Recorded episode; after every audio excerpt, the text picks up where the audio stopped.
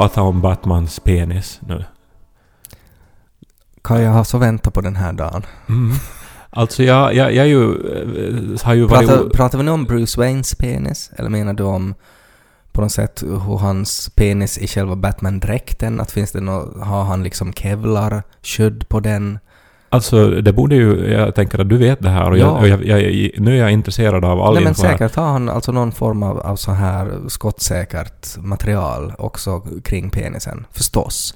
Jag menar det är ju typ det första stället om man ska slåss mot Batman så ska man ju slå honom på penisen förstås. Givetvis. Och jag tänker också annars är han ju, hans dräkt är ju väldigt så här, ska vi säga fetisch-inspirerad. Alltså det är ju tight Nå, gummi det, det är ju handlar inte om. fetischinspirerat utan att det är ju mest det att han vill han övervann ju sina egna rädslor för mörker och för ensamhet och som, eh, som fladdermusen på något sätt fick symbolisera.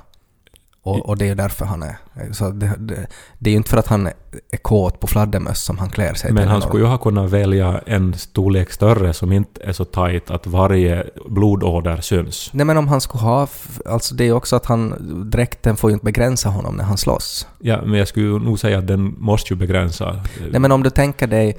Det finns ju också en point i varför eh, idrottare har skin tight dräkter. Så att de ska kunna idrotta så bra som möjligt utan att begränsas av Ja, dräkten. men gummi andas inte. Uh, Och det, Men inte den väl gjord av gummi? Nå, jag vet inte. Det är gjort av något syntetiskt material. Egentligen ska vi inte prata om, om, om hans dräkt bara när han äntligen penisen. har klätt av sig.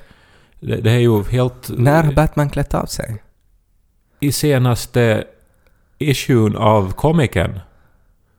Så alltså du visar- har läst en serietidning? Det nyaste numret har ju hela världen läst. Nej, jag har inte läst det. Där Batman för första gången visar sin penis. På vilket sätt gör han det då? Eh, full frontal nudity. Har Commissioner Gordon haft en annan Batlight som han har lyst upp hela Gotham med? en enorm kuk. Och så kommer Batman dit. Nå, till saken hör att... eh, This is a battle I must win. Alltså de har ju nu då, alltså det här är ju en, en helt officiell utgåva nu då. Alltså av, de har ritat hans penis? de har ritat hans penis. Okej. Och hans fantastiska reve. Ja men är man...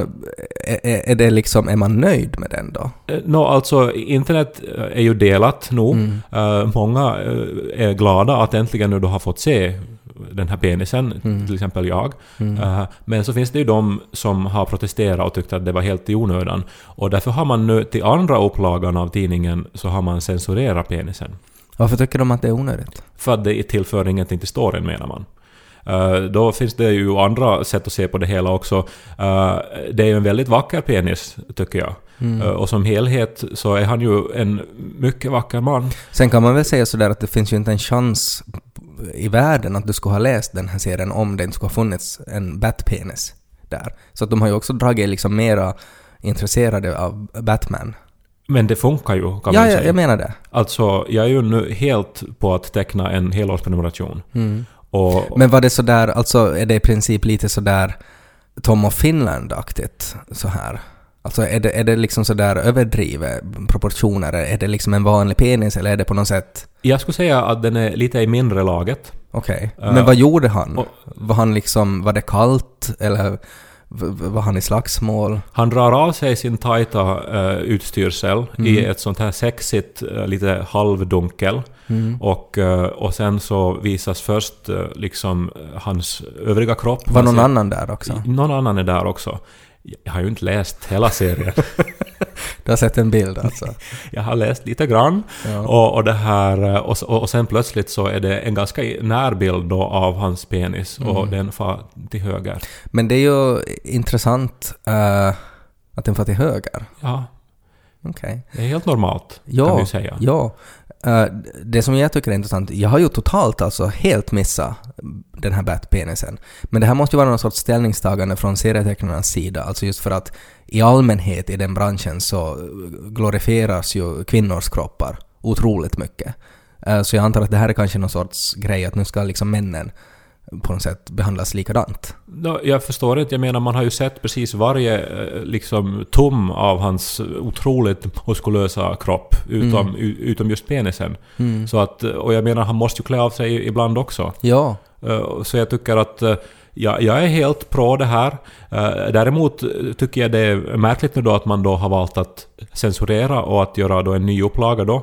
Mm, Och, det är eh, lite konstigt faktiskt. Ja, och att man, om man en gång har fattat det här publicistiska beslutet att visa Batmans Får penis. jag ännu en fråga om penisen? Men du måste ju googla den och se den. Batman... Nej men det... det jag, är rädd att jag blir besviken. Det- Jag, jag, blir besviken nej, på jag vill- penis. att jag vill hellre ha den här bilden, den här perfekta bilden i liksom mitt, mitt huvud. Men det jag tänkte bara säga om Batmans kropp är ju det att han är otroligt mörbultad alltså. Att han är ju, för att han slåss ju hela tiden och tar ju inte riktigt så jättebra hand om sig. Att han har ju blåmärken och, och så här ärr överallt. Att hur var det med hans penis? Den är sån här, sån här vet du, en perfekt persika. Så den har inte en perfekt persika. Nej men så här vet du slät och liksom oärrad. Men är inte liksom persika egentligen eh, hur man beskriver det kvinnliga könet? Eller, eller så Jag här... vet inget om det kvinnliga könet, men jag, den här är nog inte äh, liksom... Den, alltså, den har inte fått stryk helt enkelt. Den den, den, har inte varit i strid, Okej. ser det ut som. Mm. Den är dock omskuren. Ja, men han är ju amerikan. Ja. Kommer du att läsa nästa nummer också av Batman? Det beror på. Om penisen är med? Ja.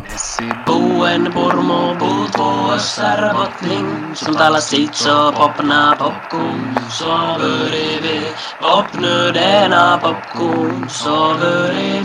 lys på Ted och Kai Det jag tycker är så fint med det här är ju att det här lite tangerar förra veckans avsnitt. Jag tänkte också, faktiskt, om du menar på Paul McCartneys påstående att han har onanerat tillsammans med John Lennon. Nej, det menar jag inte. Men, men du har helt rätt i att där finns ju penisar. Nej, nej, men jag tänkte också det, att det verkar vara en sån här eh, gammal...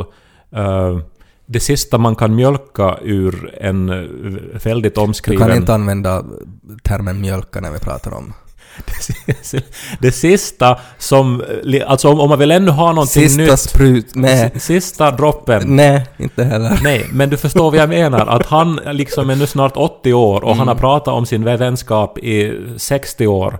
Och nu måste han börja ta till såna här halmstrån. Han kommer ändå på sin dödsbädd så kommer han att säga "Uh, I, I farted in his face. och så kommer det att bli liksom en ny nyhet om det. Paul McCartneys sista ord. I farted in John Lennons Men han face. säger bara hiss och så måste man analysera att vems... Det var nog säkert Johns. Men Åh. ja, det var inte egentligen det som... Alltså, jag förstår att här finns också ett samband med förra. Ja men tänk nu att Nej. Batman är ju irrelevant idag. Alltså, Nej, Batman är verkligen inte relevant idag. På det sättet att Han har, har, han har skrivits, dåliga år, men han är inte relevant. Men det har skrivits och gjorts så mycket om Batman att det är svårt att hitta någonting nytt. Men det som jag skulle säga var att för att i den här, när vi hade vårt lilla rollspel eh, förra veckan, eh, så, så var det ju lite för att jag upplevde att vi måste ha någonting mer, att jag saknade att vi inte har gemensamma intressen. Så det här är ju nu alltså, det att Batman visar sin penis, så har vi ju nu en, ett gemensamt intresse, att vi båda två tycker om Batman. Alltså det är ju som om, om du och jag tillsammans skulle ha gjort en serie. Så skulle det ju vara Batman som, som visar kuken. Uh, alltså jag menar bara... något för alla. Alltså här är ju det, egentligen det ultimata samtalsämnet. Eh, Eller, eh, alltså det här är liksom Ted och Kais Ja. eh, essens på Jag får sätt. prata och briljera om min Batman-kunskap och du får understryka hur vacker hans penis var. Alltså om man skulle du, eh, hålla dig och mig tätt intill varandra och vrida om oss som en disktrasa. Mm. så det som- Batmans penis rinna ut. Alltså den här, det här samtalsämnet skulle droppa ner. Eh, så att jag menar, jag är lite överraskad att Tänk att det tog nästan 150 avsnitt innan vi hittade det samtalsämnet. en av de stora erotiska upplevelserna i mitt liv är ju den här allra första Spiderman-filmen Mm. eh, med uh, Tobey Maguire Mm. eh, som Spiderman från Mm. 90-talet kanske? Ja... Eller... Början av 2000-talet. Ja, precis. Och, och sen är det ju då, då när han har liksom då blivit biten av den här spindeln. Mm. Och, och sen så liksom börjar hans kropp liksom utvecklas till superkropp. Mm. Och det här går ju förstås då att använda som en metafor för, för all, liksom alla former av utveckling som en människa går igenom. Mm. Men den här scenen när han då står framför spegeln och spänner sin eh, plötsligt otroligt muskulösa kropp. Mm. Den har jag ju återvänt till, kan vi säga, många Ja. gånger. Du har den i dina favoriter. Eh, alltså om jag skulle ha en sån här flik i min hjärna över Mm. favoriter. Du ska aldrig stänga den fliken då? Du Nej, den är alltid där för säkerhets skull. Ja. Nej men jag förstår det. Och nu, nu har vi väl alla såna här otroligt starka erotiska upplevelser och det är någonting... Det är ju alltså bögar eller eh, bisexuella som har hittat på alla superhjältar. Jag håller fullständigt med. Alltså det är ju, det är ju någonting eh, väldigt erotiskt med hur de ritas. Mm, Och sen när en heterosexuell man då försöker uppfinna en eh, superhjälte så då blir det ju till Catwoman. Ja, nu tycker jag du behandlar Catwoman här som att hon skulle vara lite sämre än andra superhjältar. Nej, jag menar bara att då blir det ju en otroligt sexualiserad kvinna. Ja, men det är ju nästan alla kvinnliga superhjältar är ju otroligt sexualiserade. Och alla män. Jo, Men eftersom de flesta är män så utgår jag från att det är bögar som har hittat på dem. det som ju är intressant när det gäller till superhjältar så är ju deras poser. Alltså att hur, hur de står. Och det här är ju ett problem. Att det är ju, det är ju ganska sällan till exempel, låt oss säga Spindelmannen, som ju då är en, en person som, som kan vrida sig i alla möjliga vinklar och klättra omkring och sådär. Och att han är ju en person som är väldigt lätt att placera i olika poser på ett tidningsomslag till exempel. Men ändå så ser han liksom alltid ganska cool ut för att han är en man. Medan om vi då tar till exempel Spider-Woman så alltid när hon klättrar så klättrar hon på något sätt i en sån pose så att hennes röv eh, är, är väldigt eh, betydlig. Alltså det, det här är ju ett problem, alltså att, att just hur de här superhjältarna placeras. Männen är alltid muskulösa och står rakryggade och, och är- när som helst beredda till att bekämpa brott medan kvinnorna står i mycket sexualiserade poser. Men det som är ju intressant med hela serietidningsbranschen är ju att det här håller ju på att ändra nu. Alltså det är ju otroligt mycket mer mångfald i eh, serier nu för tiden. Det var ju till och med, läste jag alltså i någon ny, alltså Transformers-serie, så har de till och med alltså inkluderat, ehm, Optimus Primes penis. nej inte hans penis utan alltså icke-binära och transsexuella Transformers. Alltså transrobotar. Transrobotar. Men och jag har det roliga är ju att när det är liksom trans-transformers. ja, verkligen. Ja. Man skulle inte ens liksom måste ändra namn. Och de också gör det en väldigt så här intressant scen, att det är liksom två robotar som bara pratar med varandra och så är den ena ser mer ut som en kvinna nu för tiden och så sa jag att ja, att jag identifierar mig som en hon nu för tiden. Men varför har man utgått från att eh, Transformersen är män då? Liksom? Nej, för att de, de ritas som män och ser manliga ut. De allra flesta. Det har nog alltid funnits kvinnliga. Men hur ritar man en kvinnlig transform? Jag har aldrig sett en kvinnlig trans som, som, Men- som, som, som skulle vara ritad på ett sätt att... feminina drag. Jag har alltid sett dem som att de kan... De, de har inget kön, de är robotar. Ja, men de är nog mansrobotar, de allra flesta. Ja, okej. Jag minns bara från när jag är barn liksom och, Mm. och, och de är ju robotar. Ja, men det fanns ju alltså från den tecknade serien som kom när vi var barn så fanns det kanske en kvinnlig robot. Men det är intressant, det håller på att hända grejer. Också eh, mer eh, religiös mångfald, det finns muslimska superhjältar. Sånt har ju inte funnits tidigare. Så det är inte bara liksom Batmans penis som på något sätt nu har sprängt en massa barriärer utan att det håller nog på att hända. Ja, men jag väntar ju nu på att det ska... Att, det här blir till en trend. Så att vi får se liksom... Nå, alltså jag tänker Spiderman, jag tänker... Uh, Hulken, penis. Är det The Green Goblin då? Det är nog tur att Lo Forsström eh, har två superhjältar som gudföräldrar. Mm. I- Inte sant? Det, så är det. Jag visste inte att ni bekämpar brott och sådär. Nå, eller vi utför mirakel på beställning. Ja. Eller, alltså vi är, vi är redo tydligen. Det vet jag ju nu. Är du liksom Nå, men stammannen då? stammannen.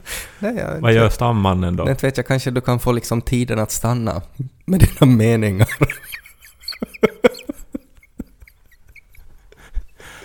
Ja, just det. Vad är Niko då?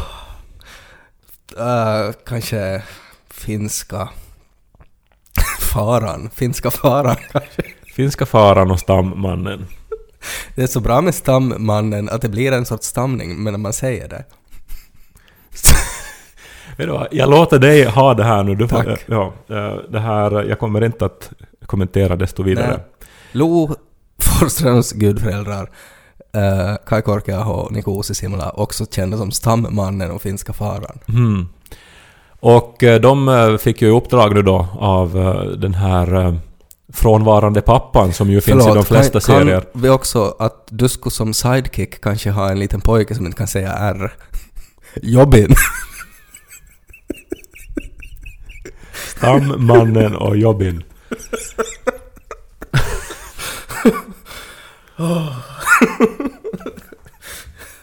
Slåss mot talterapeuter. Nå, vi fick ju nu då stammannen, finska faran och Jobbin fick i uppdrag av den frånvarande fadern Mm. att fara och hämta eh, en pojke på dagis. Jag var på inspelningar hela kvällen, eh, så jag kunde fara och göra det och Janika var också på jobb. Ja. Pappa är alltid på jobb. Nej, det tror jag inte att han sa. Med tårar i ögonen. Det tror jag inte att han sa. Alltid. Och sen så knöt han handen hårt. Mm. Ja, nej men... eh, Och du hade ju förberett oss då eh, med allt vad vi behövde veta för att hämta Mm. på dagis, vad han Yes. skulle ha med sig. Adressen till dagiset och... Ja, och det var ju vissa... Det var någon sån här leksak och någon filt han skulle ha med sig. Och, Mm. och, och rätt kärra, Ja, vilket vi lyckades hitta det to- också. tog jag ju egentligen som en självklarhet att ni skulle lyckas med nog. Ja, och sen hade du ju då sagt att det här så ska ni äta och alltså, jag menar, du behandlar ju oss som att vi, som att vi liksom var helt inkompetenta. Att, Ja. att vi inte förstår att han behöver mat och underhållning. Men det gör ni ju inte riktigt. Men det, det är klart, alltså intervju dem i huvudet fast vi inte har mycket erfarenhet Nej, av men barn. att oftast n- när man försöker liksom förklara någonting eller säga någonting om hur det är att ha lo, så dricker du ju bara skumvin och nickar. Men jag lyssnar samtidigt. Och Ja. har ju nog snappat upp en del. Okej. Och så har jag ju själv varit barn. Ja. Nu minns jag ju att man behövde mat och att man behövde leka. Och uppmärksamhet. Mm. Och ha roligt och springa. Du är helt expert. Ja, men så sa du ju också då att, att, eh, att eh, nu för tiden då så, så går han ju på potta. Ja, vi håller på. Det är ett lite så här pågående projekt att vi ska försöka lämna den här blöjan. Mm. Men så sa du också att men han kommer inte att gå på pottan. Men han brukar inte, alltså den tiden så brukar det inte vara så akut. Nej, så att det här, det här ska ni inte fundera på. Nej. Så då litar vi ju på det. Mm. Tänkte att det, det behöver vi inte fundera på. Nej. Så plötsligt, eh, mitt i leken, så ser jag ju på hans face att eh, nu... Var det nu sådär att han zonade ut? Att han såg lite ut som sådär som Mannerheim gör på porträtt? att han fick en sån här blick bort mot horisonten och började tänka på fosterlandet. Intressant om den blicken eh, påminner om den som man eh, då har när man måste bajsa. Ja men jag tycker alltså det är sådär att man, man kan inte, man ser en, ingen i ögonen, man bara så här lite fokuserar på någonting annat och bara tänker jag ska inte kacka ner mig. För det är ju en blick som också på något vis inger så här, alltså att man ser eh, du, på, pålitlig och intellektuell ut. Så jag tänker om jag på nästa författarbild Ja, du ska definitivt. ska se till att vara riktigt skitnödig. Jag tror att det är någon sån här grej också att, att man liksom, för att det är ju, man tappar ju all respekt om det händer i ens byxor vid ett sånt här tillfälle. Och då på något sätt så försöker man ju se ut så respektingivande som möjligt. Intressant. Allting är på spel och det kanske Ja. syns i den där blicken. Ja. Om man ska method act en, en sån här intensiv scen där allting är på spel så ska man alltså vara otroligt skitnödig. Ja. Nåja, men eh, Lo hade den här Mannerheim-blicken då. Mm. Och, eh, och så tänkte vi då att Lo, ska du på pottan? Mm. Frågade jag. Ja, Och, eh, och då hade han redan sprungit iväg mot pottan. okej, det var så Ja, kris då. men när han kom fram eh, så, så började han Vi, dra... ibland så kallar vi pottan till fronten. att han springer till fronten. Ja, nå det kom ju både liksom vinterkriget och fortsättningskriget här.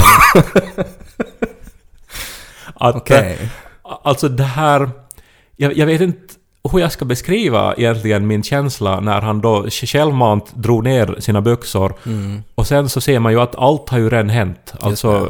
Nu, nu, alltså Slaget var förlorat. Karelen var liksom förlorat. Mm. Alltså, det, det, det var eh, liksom... På västfronten inte ett nytt, men i mina byxor däremot. Men det ramlade vid såna här handgranater ner på golvet. Ja, Uh, hård mage. ja. Och uh, Lo står där och försöker få av sig byxorna, trampar på dessa handgranater. Aj, aj, aj. Och sen trampar han iväg över mattan Ja. och skapar såna här spår av... Ett av litet minfält. vi, vi kan säga det här, allt medan jag och Niko eh, står eh, alltså och, och ser på Med skumpaglas. med liksom krigets fasor i våra ögon. Mm. Och, och, och, och, nu är du ju, alltså nu, nu har du ju utsatt oss för, för... Alltså det här är ju som en sån här Saw-trap. Alltså från filmserien Saw. Det bästa var när Janika visade meddelandet som Nico hade skickat åt henne.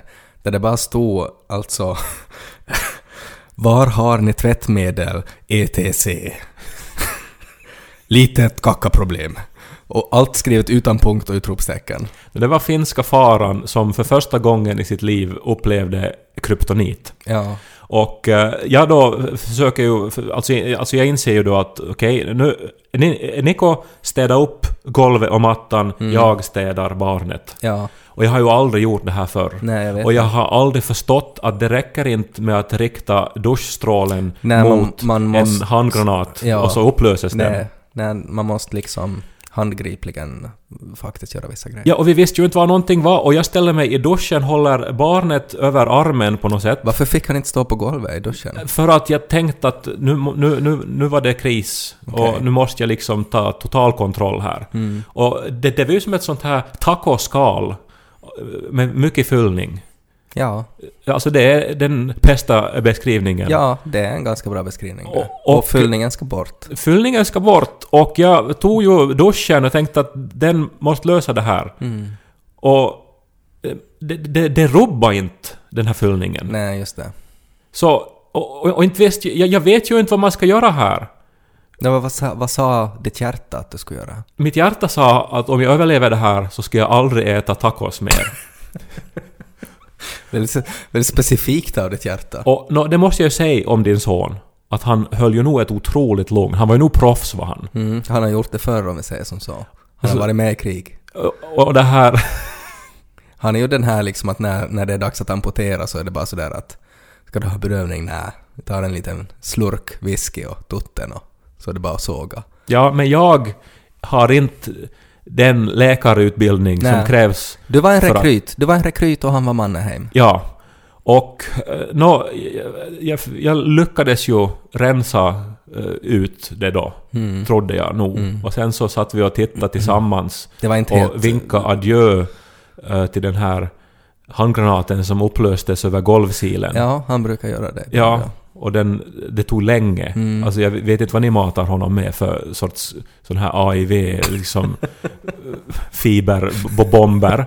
Men i alla fall, så eh, sen så hittade vi in, inga underbyxor så jag, jag klädde honom i någon sorts eh, sommar liksom. När du hade shorts hade du satt på honom. Ja. Det var det första han sa när jag kom hem var ju, var ju att Kaju Niko visste inte. Men var det liksom någon sorts hämnd det här nu? Så- Alltså jag tänker så här, eh, alltså eh, det var som, som på något vis så minutiöst eh, förberett det här att, att han kommer inte att få på pottan. Mm, och Janika hade matat honom med liksom plommon och russin och... Och, och att vi var som förberedda på, på, på, på alla såna här självklara saker som mat och var liksom en, en alle ska vara och var filten ska vara. Och så här, men inte det här liksom det här, det här, det här Det stora... otänkbara. Ja, Alltså det, det var ju som någon sorts krigsövning var det. Men det är ju vid sådana här situationer, det är också som med krig, alltså att du kan, du kan gå utbildningen och du kan, du kan prata om hur, hur många du ska skjuta, men att sen faktiskt när granaterna börjar vina ner, så då ser man ju vilka som klarar av det och vilka som bara bryter ihop. Och det här var ju, jag menar, ni har ju klarat det. Du kunde direkt delegera att Niko tar hand om stridsfältet och att du springer iväg med den skadade och sådär. Att, att du klarar ju det testet. Och det här är ju enda sättet liksom. Man måste bara liksom kastas rakt in i det. Du måste få ett gevär i handen, peka där är fienden. Mörda så många du kan. Ja, men nu är det ju sen då, om det blir krig då, så får liksom Sauli Niinistö ett sms av Niko där det är som att Var är vapen ETC? Vi har en liten kackaproblem.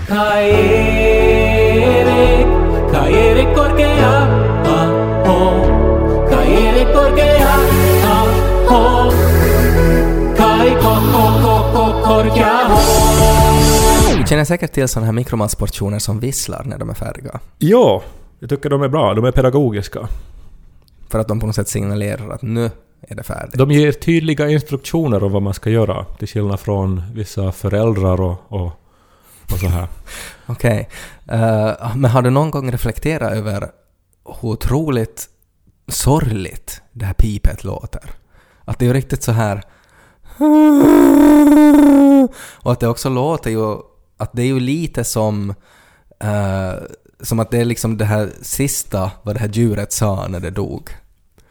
Nu när du säger det så faktiskt är det ju väldigt vemodigt nog det här ljudet från mikron som når er där man sitter och, och liksom dukar. Det, det som slog mig var att det låter alltså ganska exakt som ett, ett så här skrik som vi använder väldigt flitigt i Radio Pleppo. Vi kan lyssna på det.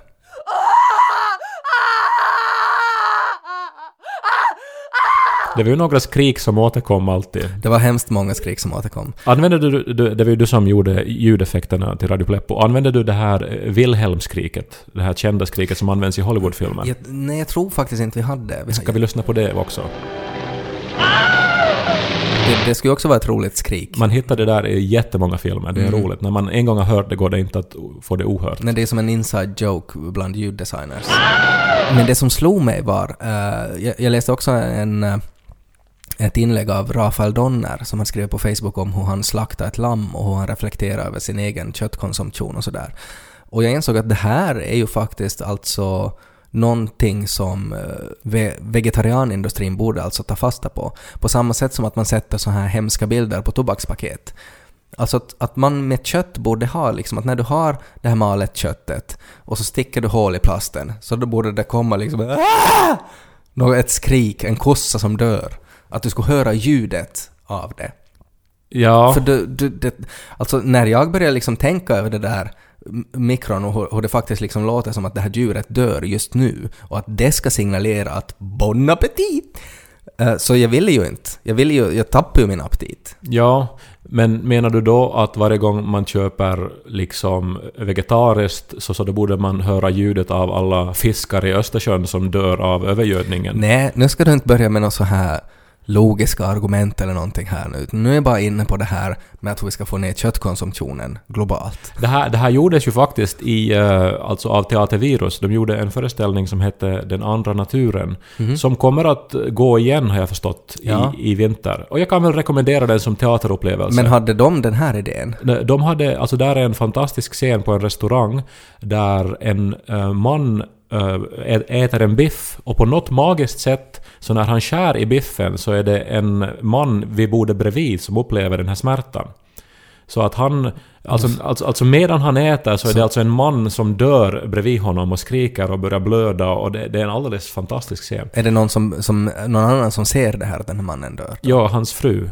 Okej. Som, som vänligt sen försöker uppmana den här mannen som äter köttet att, att, att, att eh, om du skulle kunna sluta. Det där är så otroligt teater. Men mannen har ju förstås rätt att äta sin biff. Ja. Ja, nej men det finns ju massa saker eh, med eh, köttkonsumtion. Men jag vet inte heller, det är också populistiskt det här att börja liksom spela upp eh, skrik. Men varför har de inte tänkt på det här, alltså när de tillverkarna av den här mikromatsportionen som har ett avgrundsvissel.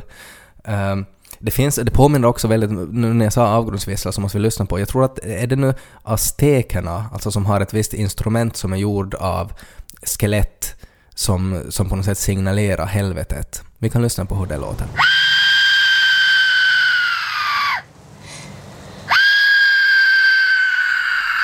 Det låter också nästan exakt uh, hur mikromatportionen låter. Och att hur har de bara inte tänkt på det? Att istället så borde de ju ha, alltså att det skulle på något sätt låta trevligt när maten är färdig. Istället för fruktansvärt att maten är färdig.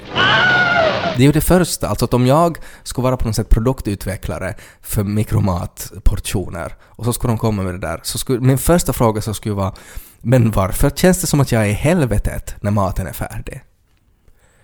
Ja, men menar du då att det borde vara någon sorts fanfar? Ja, en eller, liten fanfar, någonting eller någon trevligt. röst som säger som här att oj, nu äntligen, en smaklig Mm. måltid. Ja, men det skulle vara bättre. Ja. Alltså visst, jag, men att det, det är ju ändå bara en sån här bekvämlighetssak. Alltså maten är ju redan där, djuret är ju redan dött liksom. Jo, jo, men det, jag, tänker ju alltså om det låter som att ett djur håller på att dö när det är färdigt, så det är ju det dummaste. För att man vill ju inte tänka på det. Man vill ju inte ha dåligt samvete medan man äter. Ja, ja, okej. det, mm. Nå, men... eh, Det är bara hur, hur, vär- hur folk är dåliga på att utveckla produkter, tycker jag. Vi gjorde ju en sketch också i Radio Pleppo som handlade om ett hus som var väldigt ekologiskt så att alltid när man eh, la på lampan så var det en högtalarröst som skrek. Ska vi lyssna på hur det lät också? Vi hockade här först igår kväll att när man sätter på lampan här i vardagsrummet så, eh, ja, nå titta själv. Lampan är på! Lampan Ja, är nå, på! du hör ju att nå, det är ett himla liv. Lampan är på! Det vänta, jag stänger av. Lampan är... Lampan är av! Ska det faktiskt vara så här? Jo, no, jo, och jag och det här är ju, jag menar man ska inte slösa med ström. Nej. Och, och visst, man kan ha, ha, ha såna här överpedagogiska påminnelser om det hela. Men Det framförallt så bara- ska vi väl... Det känns bara som att har du en produkt som har på något sätt ett ljud, så då måste du faktiskt fundera på att är det rätt sorts ljud? Och det är ju precis lika viktigt som paketeringen av produkten. Ja, precis som att det ska dofta på ett visst sätt i en ny bil. det, Ja. är bara, det är bara dåligt gjort. Ja, men du, det här har du ju din nisch nu då. Du borde ju starta en firma och börja designa rätt ljud till allting som finns i vardagen. Så här 3D-printade visselpipor som man sätter på olika förpackningar. Men alltså, alltså, jag menar, din uppgift är ju att få bra filis. Mm. Eller få, få, få rätt filis kanske. Ja, men då borde det ju, alltså när maten är färdig så borde man ju liksom höra introt till Darudes Sandstorm. Pastan är färdig nu. Eller en sån här, vet du, catcalling, vet du, som en sån här... eh, Ett, Alltså jag ska bli påmind, jag ska bli påmind om metoo varje gång jag ska äta mikromat. Nej, men att maten catcallar dig. Att kom och ät mig nu.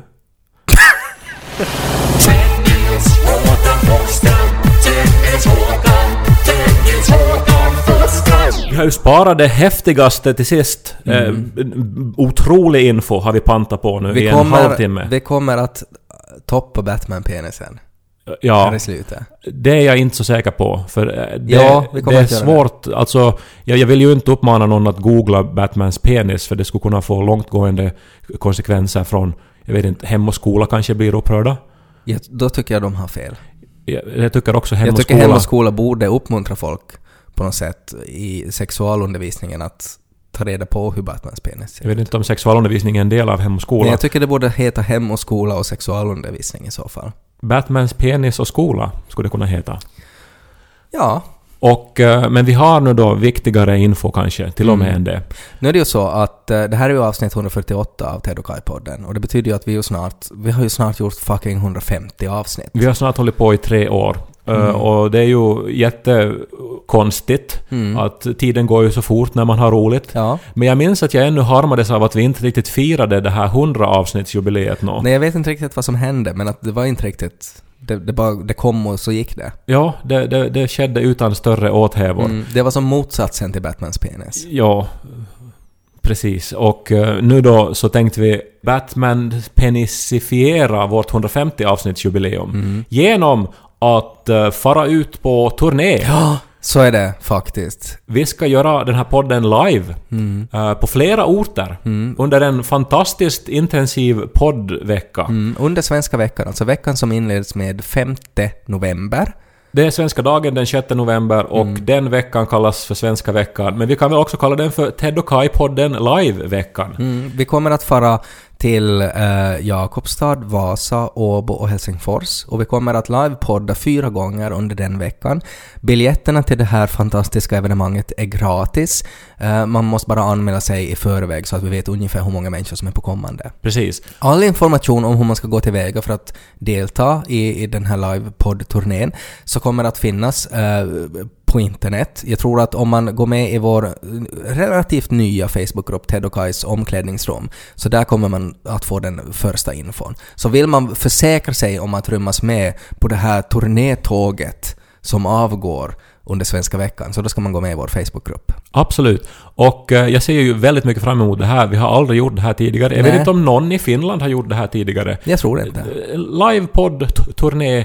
Eh, egentligen det här samtalet som vi för just nu, Mm. men inför pu- publik. Ja, det är otroligt. Och vad roligt det ska vara att träffa alla som komma och lyssna på oss. Alla som har drömt om att, att se mig stamma på riktigt. Ja. Och att höra det utan Ted Forsströms fantastiska editeringsjobb. Nu har ni chansen att komma och se på fyra timmars poddavsnitt.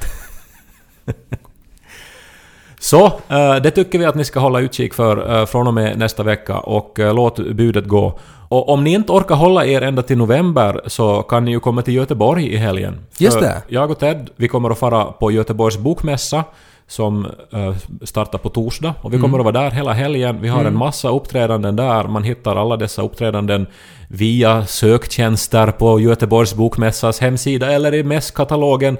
Och eh, vi kommer att röra oss där på Svenska Mässan och kanske på stan också. Så att eh, är du i Kanske vi kan sätta i vår omklädningsrum så kan vi sätta eh, vad vi deltar i under Göteborgs bokmässa. Givetvis kommer vi att göra det. vi göra. Så är ni på bokmässan, kom och säg hej. Vi pratar om vår nya bok och om humor och om allt möjligt. Tror du det finns någon chans att de har, alltså fysiskt, serietidningen med Batmans penis på bokmässan? Det är ju alltså högsta prioritet nu, att innan den här första upplagan tar slut, och jag kommer att betala vad som helst. Ja, jag förstår.